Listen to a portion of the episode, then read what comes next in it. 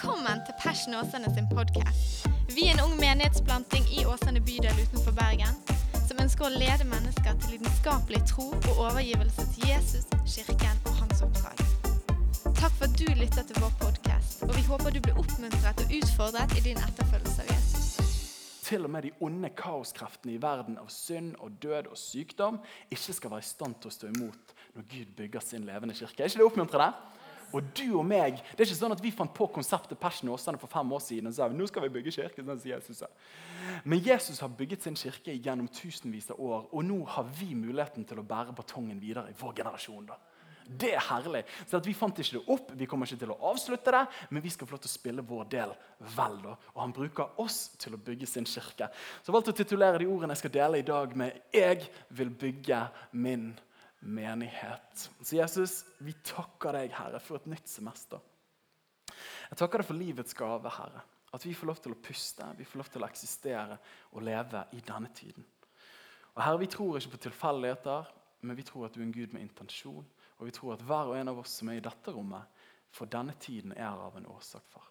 Så jeg ber deg her om at vi skal få lov til å koble med det hjertesukket og det hjerteslaget du har for oss, for landet vårt, Gud, og for verden.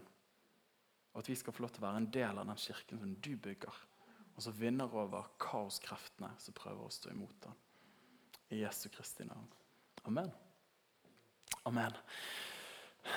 Flere av oss i dette rommet her har jo vokst opp i samme menighet. Og husker husker da jeg var liten, og når jeg tenker tilbake igjen, så tror jeg, altså Nå når jeg har vært en menighetsplanter i et par år, jobbet i kirke, ungdomsarbeid, så ser jeg menighet med andre øyne enn jeg gjorde når jeg var syv, ti, tolv år gammel og løpte liksom til søndagsskole og løpte ut igjen for å kjøpe, kjøpe slush etter søndagsskole. så noen av oss husker. Og Da virket menighet veldig enkelt. egentlig. For Det så ut som pastoren fikset det meste. Han prekte, og Det var vel egentlig bare det du trengte for å få en kirke til å funke. en som prekte. Og Så hadde du noen diakoner og noen eldstebrødre som sto og delte ut nattværen. Men hadde du det, så var church ganske greit. da. Jeg har forstått at det ikke er helt tilfellet. Det krever mer ting. Og Hvis du er litt oppdratt i menighetslivet og vært litt involvert istedenfor bare å sitte på en stol, så vet man det at kirke det krever sine ting. da. Og Den dagen jeg begynte å kjenne på vet du hva, jeg tror Gud kaller meg til å plante menighet, jeg tror han kaller meg til å være en leder i Guds hus, begynte å studere teologi, og da forsto jeg at her i teologiverden her var det mye jeg skulle lære. Og Etter hvert som du er i dette feltet, så finner du ut at det er veldig mange ting som man ikke hadde tenkt på, som man tenker på. da. Og i dag, når du er pastor eller leder eller hva det måtte være i den tiden vi lever i nå, så skal du ha full kontroll på teologi. Altså, det, det sier jo seg sant? Teologi, læren om Gud, det skal du full kontroll på. for Det handler jo tross alt om Gud. Men du skal òg ha en litt sånn uformell master i psykologi. for det er jo tross alt mennesker du har med, så Du skal jo forstå alle mennesker, alle personlighetstyper, alle disk-personligheter. Og Hvis du har tatt liksom enagrammet, skal du liksom forstå alle de ni og de ulike liksom overgangene innenfor der igjen. Og Det skal bare komme naturlig, for du er jo menighetsleder eller involvert der. Og I tillegg skal du ha en dyptgående forståelse av sosiologien, for du skal jo forstå konteksten som du planter i, og du skal forstå de sosiale dynamikkene. På toppen av det skal du være liksom topp of the game når det kommer til nyhetsbildet, for du skal jo være relevant på det som skjer både globalt, nasjonalt og lokalt. Så hvis Monsen har mistet hunden sin, når det står i Åsane Tidene, så skal du vite det. For at du skal være til stede, du skal ta pulsen. da. Og så på toppen av det så skal du være cutting edge lederskapsguro på toppen. da. Og du skal kunne alle ledelsesteorier, og så skal du samtidig kunne alle John Maxwell, som er den kristne lederskapsguruen, sine bøker, tittel, fram og tilbake, utenat. Så det er liksom det som ligger over deg. Og i det samfunnet vi lever i, som er et kunnskapssamfunn, så er jo det sånn i yrkene våre at de fleste jobber må du være høyt kvalifisert for for å jobbe ikke sant? Og du slipper ikke til på Statoil ute på riggen ute i Nordsjøen og liksom sier du, jeg har, jeg har ungdomsskole, jeg gjorde det ganske godt i norsk, hadde tre pluss. Eh, og så, Det er ikke sånn de slipper deg løs med de spakene der. Og da skal du liksom håndtere utstyr for flere hundre millioner kroner. Bare sånn, dette fikser jeg. Sånn, det skjer ikke, for du må være høyt utdannet. da. Og så er det lett for at vi tar med oss den mentaliteten litt inn i menighet òg. At når man ser at pastoren er tatt, lovsangslederen er tatt, og kanskje diakonen òg sin rolle er fylt, så hva er det vel igjen til meg? For jeg er jo ikke profesjonell kirkeekspert. Og så er det lett å tenke at da blir vel egentlig min rolle egentlig å være en benksliter. Og selv om man har lyst til å bidra, så føler man at man mangler frimodighet. Og så kan man tenke hva er min rolle, hva er min plass når Jesus bygger sin kirke? da? Dette har jeg lyst til å snakke litt om. Hva er vår rolle når Jesus bygger sin kirke? Jeg har lyst til å løfte opp et par ting som jeg tror Bibelen løfter opp. Med hvordan vi kan få lov til å være ta del i når Jesus bygger sin menighet i dag. Da. En av de historiene som jeg har lyst til å sprette ut ifra, er om en mann som heter Nehemja, som er i Det gamle testamentet. Og denne Nehemja han lever på enden av det babyloniske fangenskapet. Dette er litt sånn søndagsskolehistorie. Men i ca. år 605 før Kristus til ca. 535 før Kristus, ish 70 år, så var store deler av jødene og Israels folk i fangenskap i Babylon. Og På slutten av dette fangenskapet her, så møter vi på en fyr som heter Nehemja. Han er munnskjenk hos den persiske kongen. og holder dere fast, nå kommer navnet uttalt. Artaxerxes var kongen. Har du prøvd å si det navnet før? Har du Ja. Jeg, jeg var hjemme i dag og bare sånn Arterexerexeres. Det er et heftig navn, i hvert fall. Så jeg tipper at han prøvde å ikke si navnet hans når han skjenket han vin. Men en dag når han skjenker han vin og lever i dette persiske riket, så står det her i det første kapittelet I måneden Kislev det kan du slå opp senere. I det 20. året da jeg var i borgen Susa, skjedde det at Hanani, en av mine brødre, kom sammen med noen, venn, noen menn fra Juda. Jeg spurte de om jødene, om de som ble utfridd, og som var igjen etter fangenskapet, og om Jerusalem. Så det her var det altså noen jøder som ikke hadde blitt bortført. Han spurte hvordan går det egentlig med disse jødene. Hvordan går det med Jerusalem, hovedstaden i det landet som vi elsker, som vi kommer fra? De svarte og sa resten, de som var igjen etter fangenskapet, og som er der i området, er i stor nød og i vanry. Jerusalems mur er også revet ned, portene er brent ned. Og så kommer det vakre. Da jeg hørte disse ordene, skjedde det at det satte meg ned, og jeg gråt og sørget i mange dager. Jeg fastet og ba for himmels Guds ansikt. Han ble rystet av de nyhetene som han hørte fra hjemlandet, der hans fedre og forfedre kom ifra. Og så står det rett etterpå at etter han var ferdig, eller ikke når han var ferdig, men mens han sørget, så var hans vaktskifter igjen. og Han var nødt til å gå inn til kongen med dette vanskelige navnet. Og i måneden Nisan, ikke Nissan, men Nisan, i det 20. regjeringsåret til kongen, en gang da det sto vin foran han, skjedde det at jeg tok vin, ga han til kongen. Aldri før hadde jeg vært bedrøvet i hans nerver. Derfor sa kongen til meg, 'Hvorfor er ditt ansikt sorgfullt?' Ennå du ikke er syk. Du har ikke ført sykefravær, så du er ikke syk. Hvorfor er du lei deg? Dette kan ikke være noe annet enn hjertesorg. Da ble jeg meget redd og sa til kongen, 'Kongen lever evig, jeg digger deg.' Hvorfor skulle ikke mitt ansikt være sorgfullt når byen, stedet der gravene til mine fedre er, ligger øde, og portene er fortært av ild? Og Så sier kongen, hva, 'Hva kan jeg gjøre?' Og det er ganske heftig. Og så sier han summen, 'Jeg ber om at jeg skal få lov til å gå tilbake igjen og bygge den opp igjen. Og Det første jeg har lyst til å si, og som berører, er nettopp dette her. Når Gud bygger sin menighet, det første han gjør med oss, og som han inviterer oss til, er å bli berørt. Og Denne historien om Nehemja fascinerer meg og egentlig av så mange årsaker. Men han lever i sus og dus på et vis. Han lever fint, han er munnskjenk til kongen. Han har det ganske greit. Og denne jobben var ikke sånn at Hvis kongen var redd for å dø av vin, så skulle han prøve han før. og hvis det var gift i han, så døde han. Det høres ut som en veldig lite liksom, fordelaktig jobb. Men, men, det var ganske gjevt å være munnskjenk. Når jeg har gjort mine undersøkelser. Så han har det fint. Men likevel så hører han nyhetene om hvordan det er i hjemlandet, hvordan det står til med folket. Og så berører det han. Så behovet berører han. Og det leder igjen til jeg, jeg må gjøre noe. Det leder til bevegelse. Behovet berører til bevegelse. Og jeg kjenner at Når jeg hører dette om han, så kjenner jeg at sånn har jeg lyst til å leve. jeg også. At når jeg blir eksponert for et behov der ting ikke er greit At det ikke bare passerer forbi og jeg tenker ok, det var sånn det var. Ja. Men at når jeg hører noe, så berører det meg, så treffer det meg. Og at det ikke bare berører meg, men det driver meg til handling, til bevegelse òg. Og Dette er jo sånn jeg vil det skal være i teorien. Jeg tror det er sånn Gud ønsker det at det skal være sin kirke òg. Og, og Overgangen fra Nehemja til hvordan Jesus bygger sin kirke, er at Nehemja drar tilbake for å bygge opp murene rundt Jerusalem. Og Det er òg et bilde på menigheten. At Gud ønsker å bygge sin menighet. Men det begynte med, før murene kom opp, hva begynte det med? Jo, det begynte med at jeg ble berørt av behovet for at murene, for at menigheten trengte å reise seg. Det trenger å gripe hjertene våre. Jeg kjenner for min del, I møte med kirken, i møte med menighet, at det trenger å gripe meg. Hvordan det står til med menigheten. I Norge, i Åsane, i verden. Bryr det meg? Berører det meg? Jeg hørte det var en mann som sa for et par år siden han sa at altså vi lever jo, Jeg elsker jo den statistikken og siterte den til det kjedsommelige, men at det liksom er New York Times i dag, så er det mer informasjon enn det en, liksom en dreng ute på landet fikk i løpet av hele sitt liv på begynnelsen av 1800-tallet.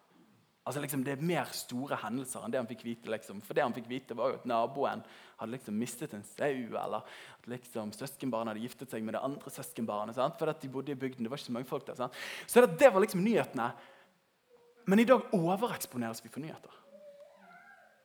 Og jeg tror det at Når det er den ene overskriften etter den andre av tragedier som ruller forbi øynene våre hver eneste dag, så det første det gjør med oss, er at det lammer oss. For at vi får vite om ting vi ikke kan gjøre noen ting med. Så vi passifiseres. Men så blir vi òg likegyldige etter hvert. Fordi at vi kjenner til det. Ja, men det er jo sånn det er. Ja, Der nede i den delen av verden så er det fullt kaos uansett. liksom. Det er en krutt. Det er bare sånn det er. Og jeg kjenner at det bekymrer meg. Og mer enn bare mener det bekymrer meg for mitt liv at jeg kan være så uberørt når jeg eksponeres for behovene som er rundt oss overalt. Man, det er jo en kjent sak at barn Det første du viser dem, er jo ikke Dagsrevyen. Det er jo ikke sånn Når de, Anna er seks måneder, så bare tenker jeg nå skal jeg skifte bleie, så nå trenger jeg å underholde hun. Så da bare snapper jeg inn på Dagsrevyen og så bare kjører vi en skikkelig nyhetsoppdatering fra Midtøsten. Det er jo ikke sånn at hun bare 'Pappa, this was good'. Nei, det vekker jo traumer. Og det er jo en kjent sak at Vi ikke bør eksponere barn for altfor mye nyheter. for dette er ikke veldig mye godt som skjer der. Men vi viser vennebyen istedenfor, for der er alt fint og flott. Det er en forsmak av himmelen. Men hva er tingen der? Jo, når du er liten, så, så, gjør det inntrykk på deg å se nyhetene. Men når du blir eldre, så er jeg så vant til det. Og det utfordrer det. Så Nehemia han blir berørt, og det gjør noe med han. Så jeg tror at overeksponeringen for alt som skjer rundt oss, men òg synd, som så lett fokuserer på egentlig bare det som er behagelig for oss, så vet jeg for mitt liv så er det så lett å leve et uberørt liv. Og jeg vet det, at hvis jeg har lyst til å se en forskjell for menneskene utenfor meg, så må det først skje en forskjell inni meg. da. Skal jeg være drevet til å bety en forskjell, så må det først skje noe på innsiden av meg. da. Og det er det som skjer med Nehemia. Han blir berørt. Det skjer noe med han.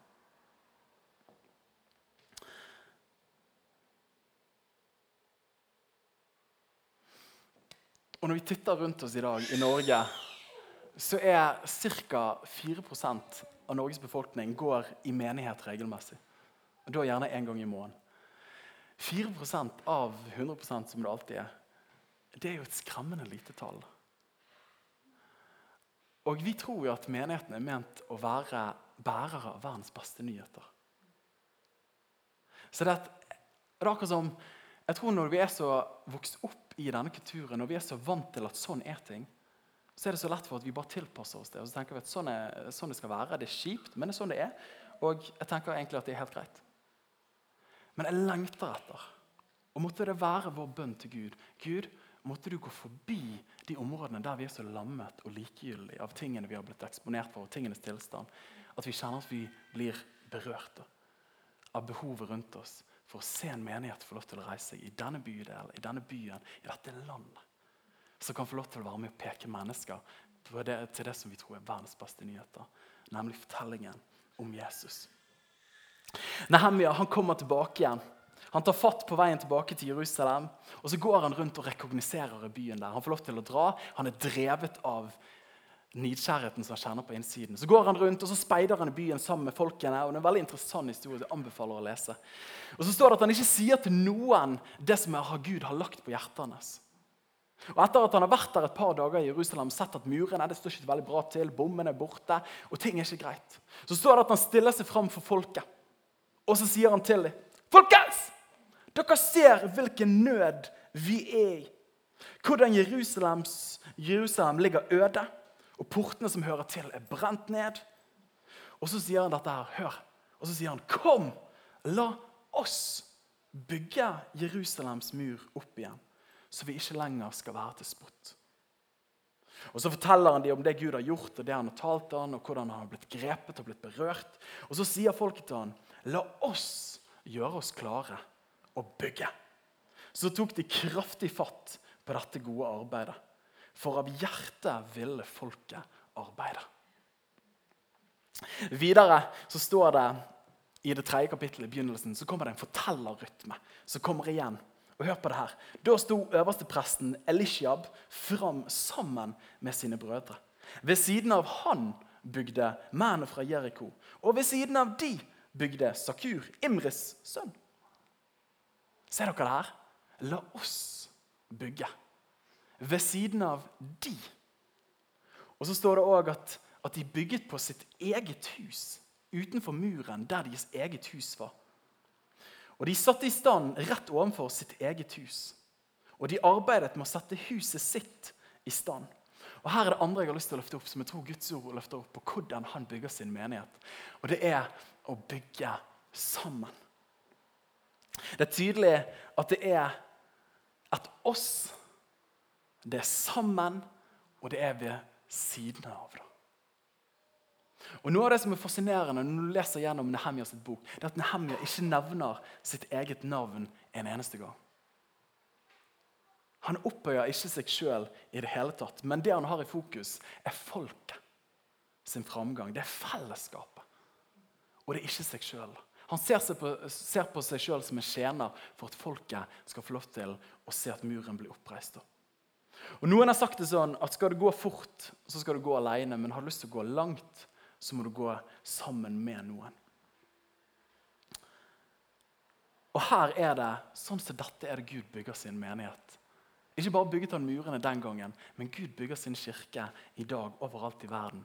Ikke som et soloprosjekt av én leder eller noen få, men alltid sammen med et folk. Guds rike handler ikke om et fjes, men det handler om et folk. Og Hør på det her når Paulus og disse guttene i Nytestamentet snakker om den kirken som Jesus bygger, så sier han for vi alle har mange For slik som vi har mange lemmer på én kropp, kroppsdeler, men uten at alle lemmene har samme funksjon, slik er vi.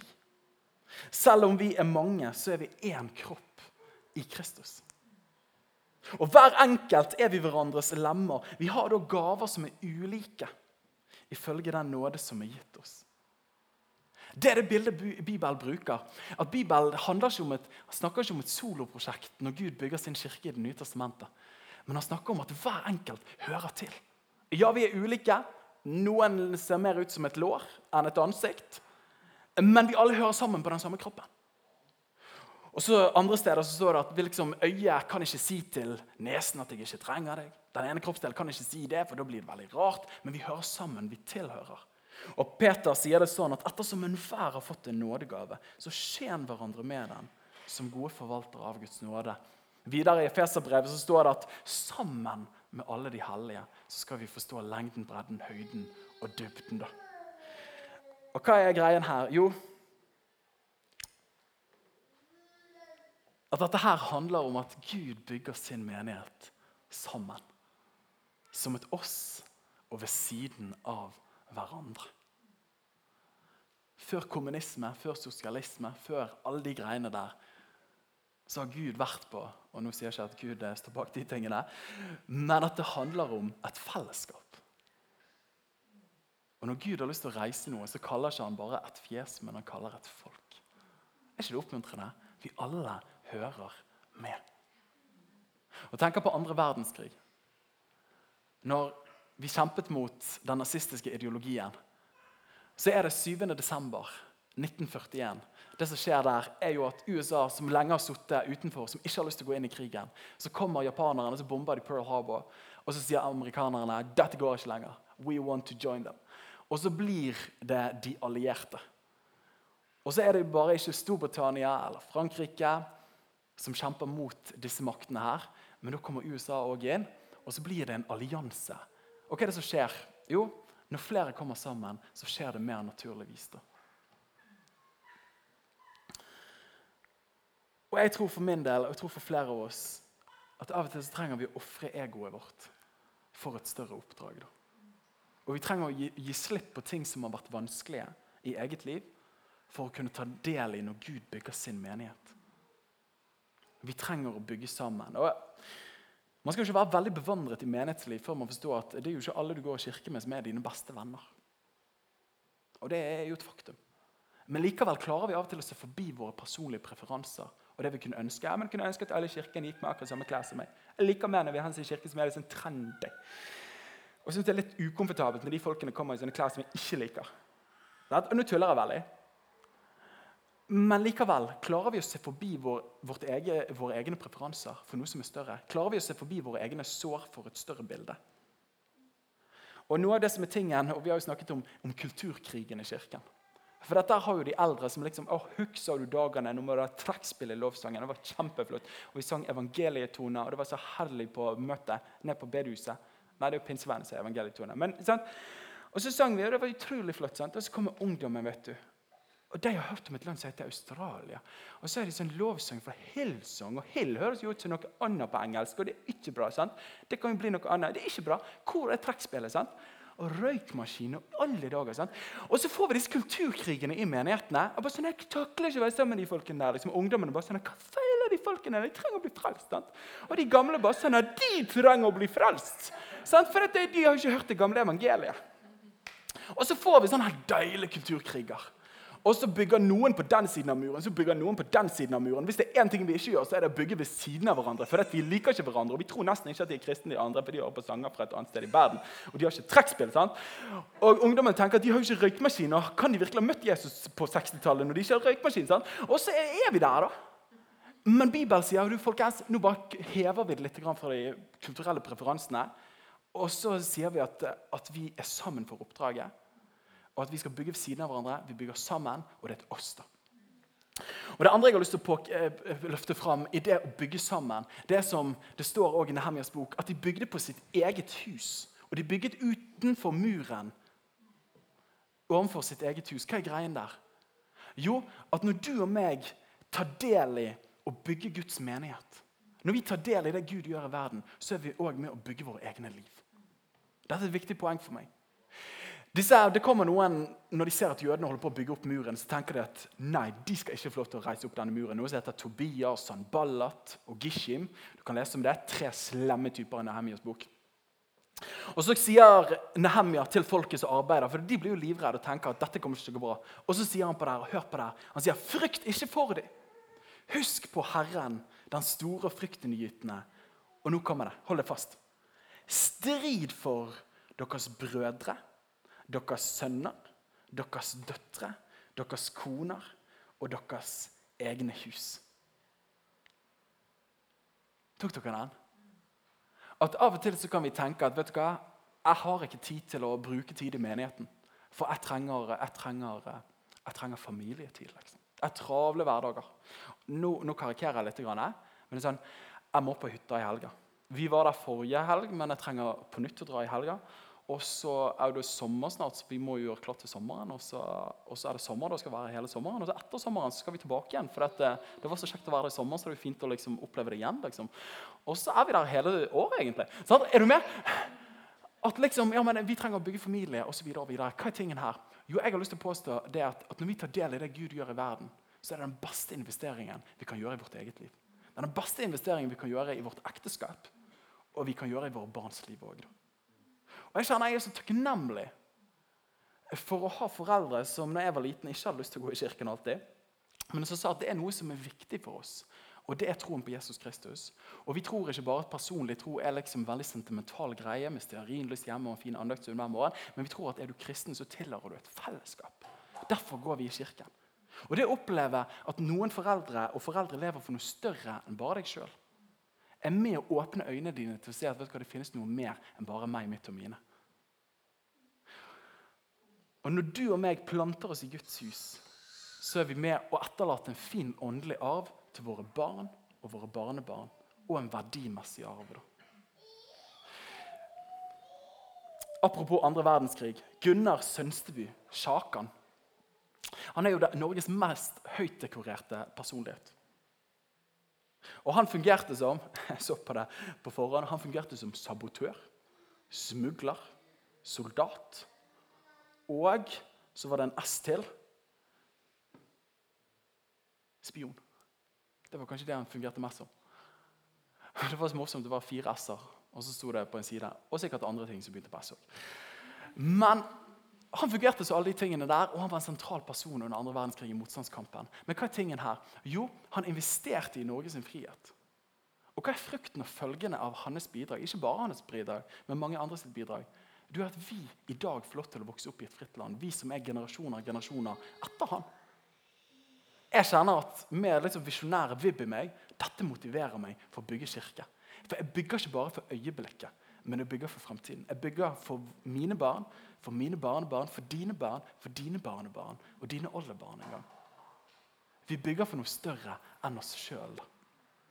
Tenker også på Hans Nilsen Hauge, som er liksom kristenhelten til hele frikirkelige Norge og lavkirkelige Norge. I, 1796, når han ploger bortover der, nede i Østfold, er det vel i Fredrikstad, og så synger han liksom 'Herre din søte forening og smake' hører på den på iPoden, og så står det at himmelen bare åpner seg opp, og så møter han Guds kjærlighet. Og han bare sånn, jeg er berørt, jeg er berørt, jeg er berørt. Det er behov rundt meg. Folk trenger å høre om Jesus. Og så bare tar han strikketøyet sitt. Det er det første han tenker på. Tar han strikketøyet sitt, Og så bare drar han over Norge. Og så bare strikker han, og så snakker han om Jesus. Og så blir han berørt av behovet til bevegelse. Hva er frukten av det i dag? Jo, at vi sitter i et bedehus i dag som ble reist opp her i 1946. For dette er en fyr i 1796 gikk rundt på Østlandet av alle steder. Ikke på Vestlandet engang, ikke på bibelbeltet engang, men på Østlandet. Og så møtte han Gud. Og så levde han et stort liv. Og det var med å påvirke at vi sitter her i dag. Er ikke det crazy når du tillater tanken å gå den veien der? Tenk at vi får lov til å holde batongen for vår generasjon. Jeg blir giret. Oi, oi, oi. Og min gode, gamle pastor Reidar Paulsen, som eh, var pastor i Kristkirken i mange mange år, jeg elsker denne historien. her. Jeg har pleid å dra hjem til han de siste årene for liksom, Reidar, hva er det jeg ikke vet, men som jeg trenger å vite? Så du vet at jeg trenger å vite. Og så kommer han. 'Daniel, nå skal du høre her.' Og så forteller han en historie at en gang så var han på et teologisk eh, lærested. Og Dette var litt sånn liberalt teologisk lærested, så det var fascinerende at han var der. For han er jo ikke kjent for å være veldig liberal. Men så er det en elev som står opp hånden og sier du, må du være kristen, altså må du gå i menighet hvis du er kristen. Bare liksom, Gi meg et free pass. Må jeg gå i kirke? Og så sier han Reidar, vet du. Han bare sier, jeg vet ikke. Bibel, Bibel snakker aldri om det. Poenget er da, det, jeg kan si det på bergensk, for det høres bedre ut, men han spurte er det mulig å være kristen uten å være en del av en menighet. Og så sier han jeg vet ikke. Bibelen snakker aldri om det. Og det er fint. da. For de som kjenner Reidar, så er det Reidar. For hva er tingen her? Jo, så klart går det an å ha en tro og ikke være en del av menighet. Men følger du Jesus, er det en naturlig del å være en del av kirken og bygge sammen med de andre. Og Det trenger ikke å være likt, du trenger ikke å gjøre akkurat det samme, men du bygger på din del av muren ved siden av noen andre. Og Det tredje jeg har lyst til å løfte opp, det er at de ber sammen vi ber sammen når Jesus bygger sin kirke. Etter at muren var gjenreist på rekordtid, bare på 52 dager Det er jo helt utrolig. Folket har arbeidet av hjertets lyst, står det. Så kommer presten Esra. Og det er jo et frekt navn. Så kommer Esra fram, og så står det i det åttende kapittelet så står det, hele folket samlet seg som én mann på den åpne plassen foran vannporten.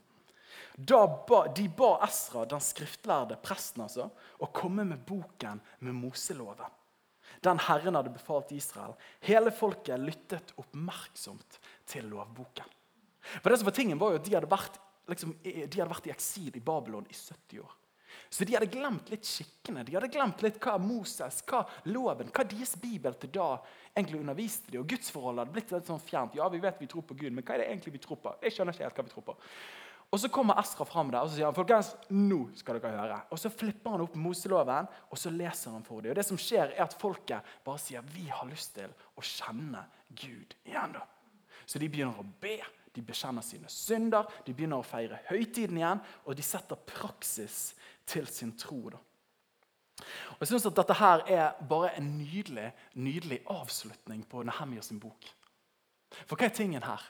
Jo, muren hadde blitt reist opp. Men det var jo ikke det at murene var målet i seg sjøl. Det var ikke sånn at de kunne sprade opp på murene og si folkens, nå har vi murer.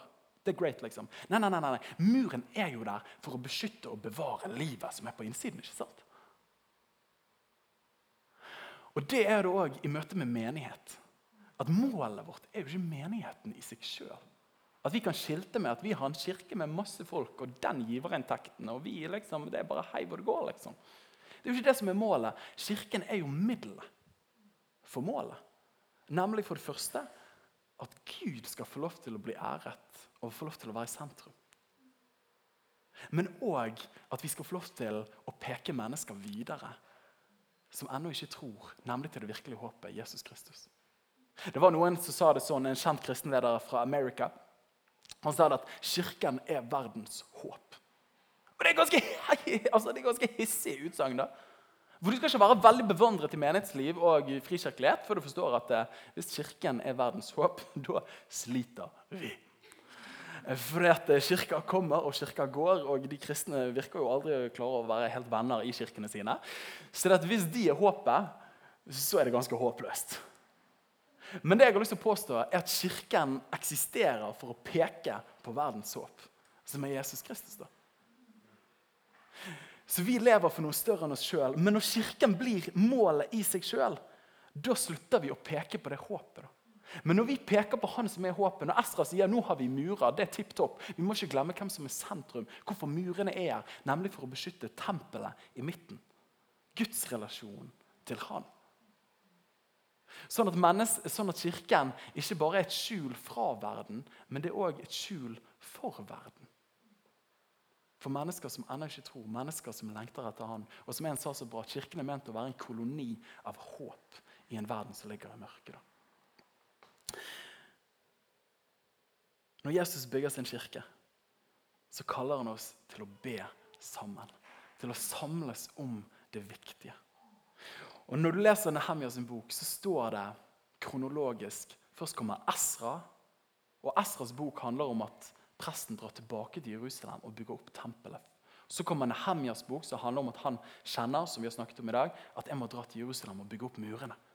Og så kommer Esters bok, som er historien om denne jødiske dronningen som redder et folk, det jødiske folket fra utrydning.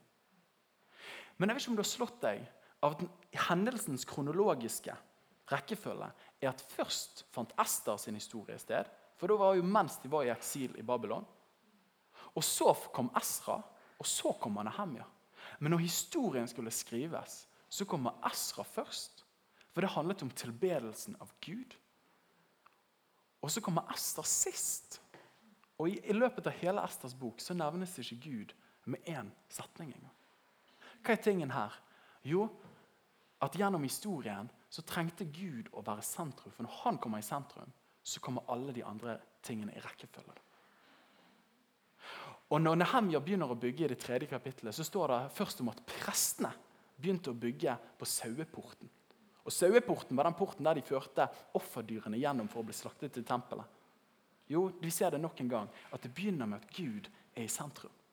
Og når han kommer i sentrum, så kommer det andre i balanse òg. Dette er et tidløst budskap om at når Gud settes først i våre liv og i menigheten, så kommer de andre tingene i riktig rekkefølge og balanse. Så Jesus sier 'søk først Guds rike', så skal det andre bli gitt oss i tillegg.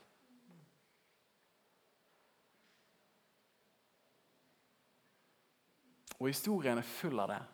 Når Kirken blir målet i seg sjøl, så slutter Kirken å være den levende Guds kirke. I Romerriket, når kirke blir en stygg symbiose av religion, politikk og makt, så ender du opp med noe helt annet enn det Jesus tiltenkte når han sa 'jeg bygger min menighet'. Istedenfor å peke mot verdens håp, så er det med å tilføre håpløshet til verden. Når ulike totalitære regimer og kirken i de nasjonene ikke snakker opp mot urettferdigheten som finner sted, så slutter det å være den levende Guds menighet som peker mot det håpet som finnes i Han. Og faktisk i vår tid, når vi tar og bytter ut Guds ord med menneskeord, så slutter vi å være den levende Guds menighet som peker mennesker til det virkelige håpet. Og litt flåsete sagt, men når vi bytter ut Kristus med klima, da sliter vi. Da bør alarmklokkene begynne å ringe. Derfor sa Nehemja tempelet, gudsrelasjonen, må være i sentrum. Derfor er Esras bok først, og så kommer Nehemja, og så kommer Esras bok. Derfor begynte prestene å bli nevnt først, fordi Gud trenger å være i sentrum. Og Vi leser om det, og jeg elsker dette avsnittet, og vi går snart inn for landing her. Men Det står om Jesus i det første kapittelet i Matteus evangeliet. Det står at han gikk inn i Guds tempel. Og så står det, hva gjorde han der? Jo, han drev ut alle som solgte og kjøpte der. Og han veltet pengevekslernes bord og duekremmernes benker. Altså, det er ikke ofte du leser om at Jesus er sur, men det bare flipper for han når han kommer inn i tempelet og ser at de her har gjort det om til Walmart. Og dette er den levende Guds tempel. Og så sier han til dem det står skrevet mitt hus skal kalles et bønnens hus. Men dere har gjort det til en røverhule. Hva er det han gjør? Jo, Han kaster det ut, de tingene som ikke skal være der. Og så sier han at sentrum er at vi søker Gud. Det er at hovedpersonen skal være sentrum. Og så kommer det, og dette er i tillegg, men så kom blinde og lamme til han i tempelet, og han helbredet dem. Tok dere den? At når sentrum blir det riktige sentrumet, det er da kraften begynner å komme, og mennesker erfarer håp, frihet og mirakler og helbredelser. En kirke uten kraft er ofte en kirke uten Kristus. Vi trenger å be sammen. Så hvordan, så hvordan passer jeg inn, og hva er min rolle når Gud bygger sin menighet? Og Dette var litt undervisning i dag, men jeg har så klingende tro på dette budskapet. her. For det første, når Gud bygger sin kirke, så bruker han ikke de få, men han bruker de mange. Og Når Gud bygger sin kirke, når Jesus bygger sin kirke, så bruker han ikke ekspertkristne, men han bruker alle sammen. Vi tilhører, vi henger fast på denne kroppen. Det kan se litt rart ut, det er ikke alltid vi forstår de andre, men vi hører sammen. Så Gud bygger sin kirke i dag, og Gud bygger Passion i dag ved å berøre oss, til å bygge og til å be sammen. Først ved at han berører våre hjerter så vi bryr oss. Han leder oss til å bygge sammen. Ikke alene, for da kommer ingenting å reise seg. Men når vi bygger sammen, og ikke minst ha sentrum i sentrum, nemlig Gud, ved å be og ved å søke Han. Og Når vi leser Nehemia sin bok, så er det ikke bare tidløse prinsipper for hvordan bygge menighet. Men jeg har lyst til å foreslå for deg at hvis du titter nært nok i denne boken, her, så kan du se den virkelige menighetsbyggeren, som er Jesus Kristus. da.